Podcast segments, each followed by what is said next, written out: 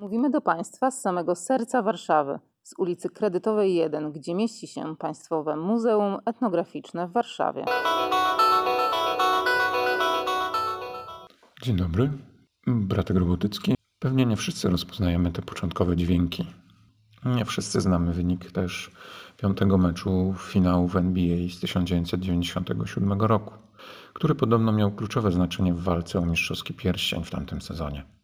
Nie wszyscy wiemy, które drużyny wówczas ze sobą rywalizowały. Były to Chicago Bulls i Utah Jazz. Niektórych mm, pewnie nawet to nie interesuje, co doskonale rozumiem.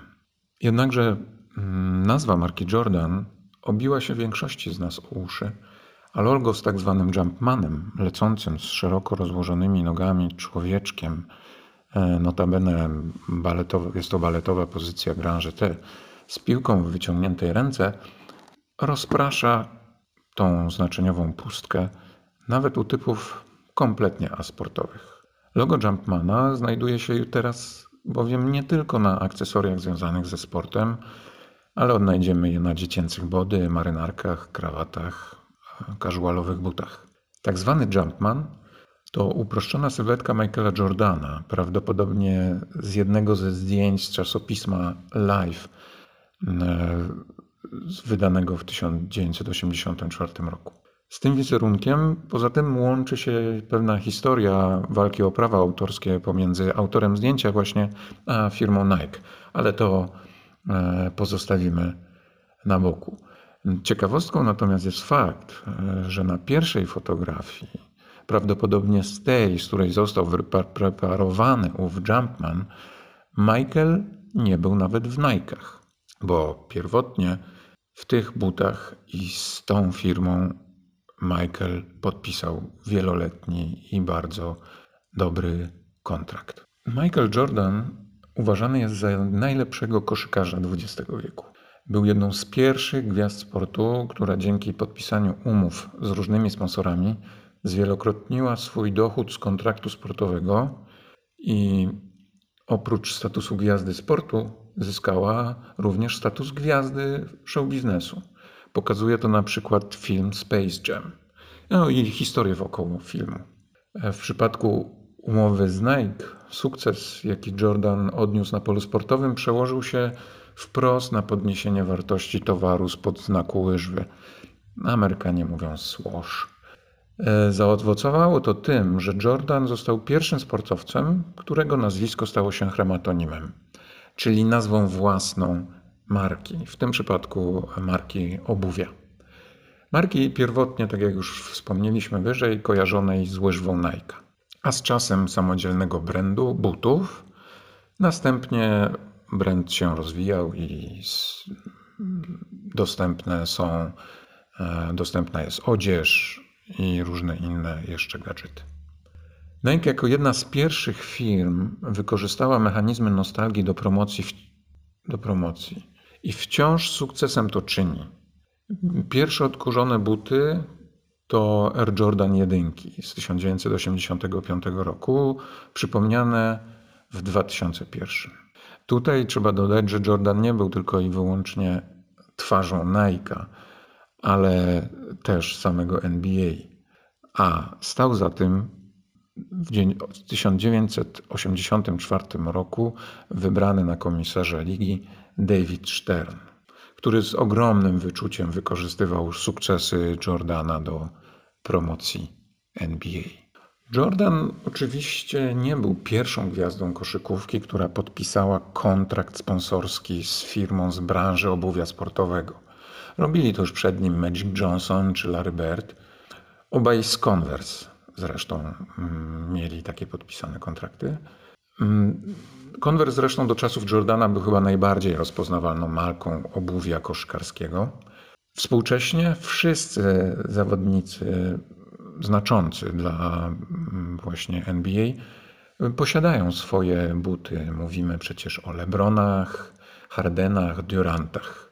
Lecz wszyscy oni, włącznie z Michaelem, podążają ścieżką przetartą w 1971 roku przez Karima Abdullah-Jabara i firmę Adidas. W większości dziedzin sportowych buty to podstawowe akcesorium. Nie inaczej jest z koszykówką. odpowiednia proporcja między sztywnością a elastycznością wzdłużną, twardością i miękkością poprzeczną podeszwy, wzmocnienia cholewki, precyzyjne wiązanie, precyzja w dopasowaniu do stopy. E, oczywiście w połączeniu z odpowiednim e, przygotowaniem fizycznym pozwala, poz, pozwala nie wiem, pobijać e, rekordy, pokonywać przeciwników, zyskiwać sławę, a koniec końców zdobywać mistrzostwa. Jednak, żeby buty stały się znakiem, muszą zajść pewne procesy i to nie tylko te związane z budowaniem mitu gracza, tak jak w tym przypadku Michaela. Mit Jordana to poza oczywistą sferą jego umiejętności koszykarskich, predyspozycji fizycznych i psychicznych, to współwystępowanie, inaczej synergia wielu elementów kultury. Mit Jordana to opowieść o ciężkiej pracy i poświęceniu, zmianie modelu koszykówki ze sportu zespołowego na to, na taki, w którym indywidualności mogą odgrywać bardzo dużą rolę. Zresztą to odwzorowywuje właśnie przemiany społeczne. Chęć zmiany również wizerunku czarnoskórego sportowca z narkomana, przemocowca i złoczyńcy na osobę właśnie ciężko pracującą i poświęcającą całe życie do, mm, dla celu. Zresztą tutaj trzeba powiedzieć, że to był sposób właśnie Szterna, wspomnianego komisarza ligi, e, na to, by przyciągnąć białą widownię do, mm, do hal sportowych i przed telewizory. Zupełnie jego myślenie nie było związane z rozwiązywaniem problemu rasizmu w Stanach. Tutaj proponuję Państwu, jeśli Państwo chcą usłyszeć albo zapoznać się z historią, która w jakiś sposób to opowiada i łączy też mm, historię znanej marki właśnie Nike z rasizmem. Historię, która spotkała Kolina Kapernika, no, znane, znanego dosyć gracza NFL. Ale powracając do, e, do mitu. Lata 80. to moment, kiedy wzrasta świadomość społeczna dotycząca zdrowia. Rozpoczyna się boom na kulturę fitness i związany z nią lifestyle. Obcisłe getry, kolorowa lajkra pojawiają się na ulicy, buty na sportowe również, a Jane Fonda otwiera swoją firmę Jane Fonda Workout. Rolę w konstruowaniu mitu Mm, odegrało również pewne zmiany technologiczne, czyli sposób transmisji i konstruowania przekazu wydarzeń sportowych i bezpośredniego powiązania tego z czasem reklamowym. No i oczywiście Jordany to nie tylko buty. Jordany to wręcz powiedziałbym zagadnienie z poziomu designu i technologii. Przynajmniej tak początkowo chciał być postrzegany Nike, a następnie brand Jumpmanem. Tego typu zespolenie to prosta opowieść o profesjonalizmie. Zainteresowanie Jordanami jako zjawiskiem podkreśla również fakt, że znany reżyser Spike Lee kręcił pierwsze reklamy z Jordanem.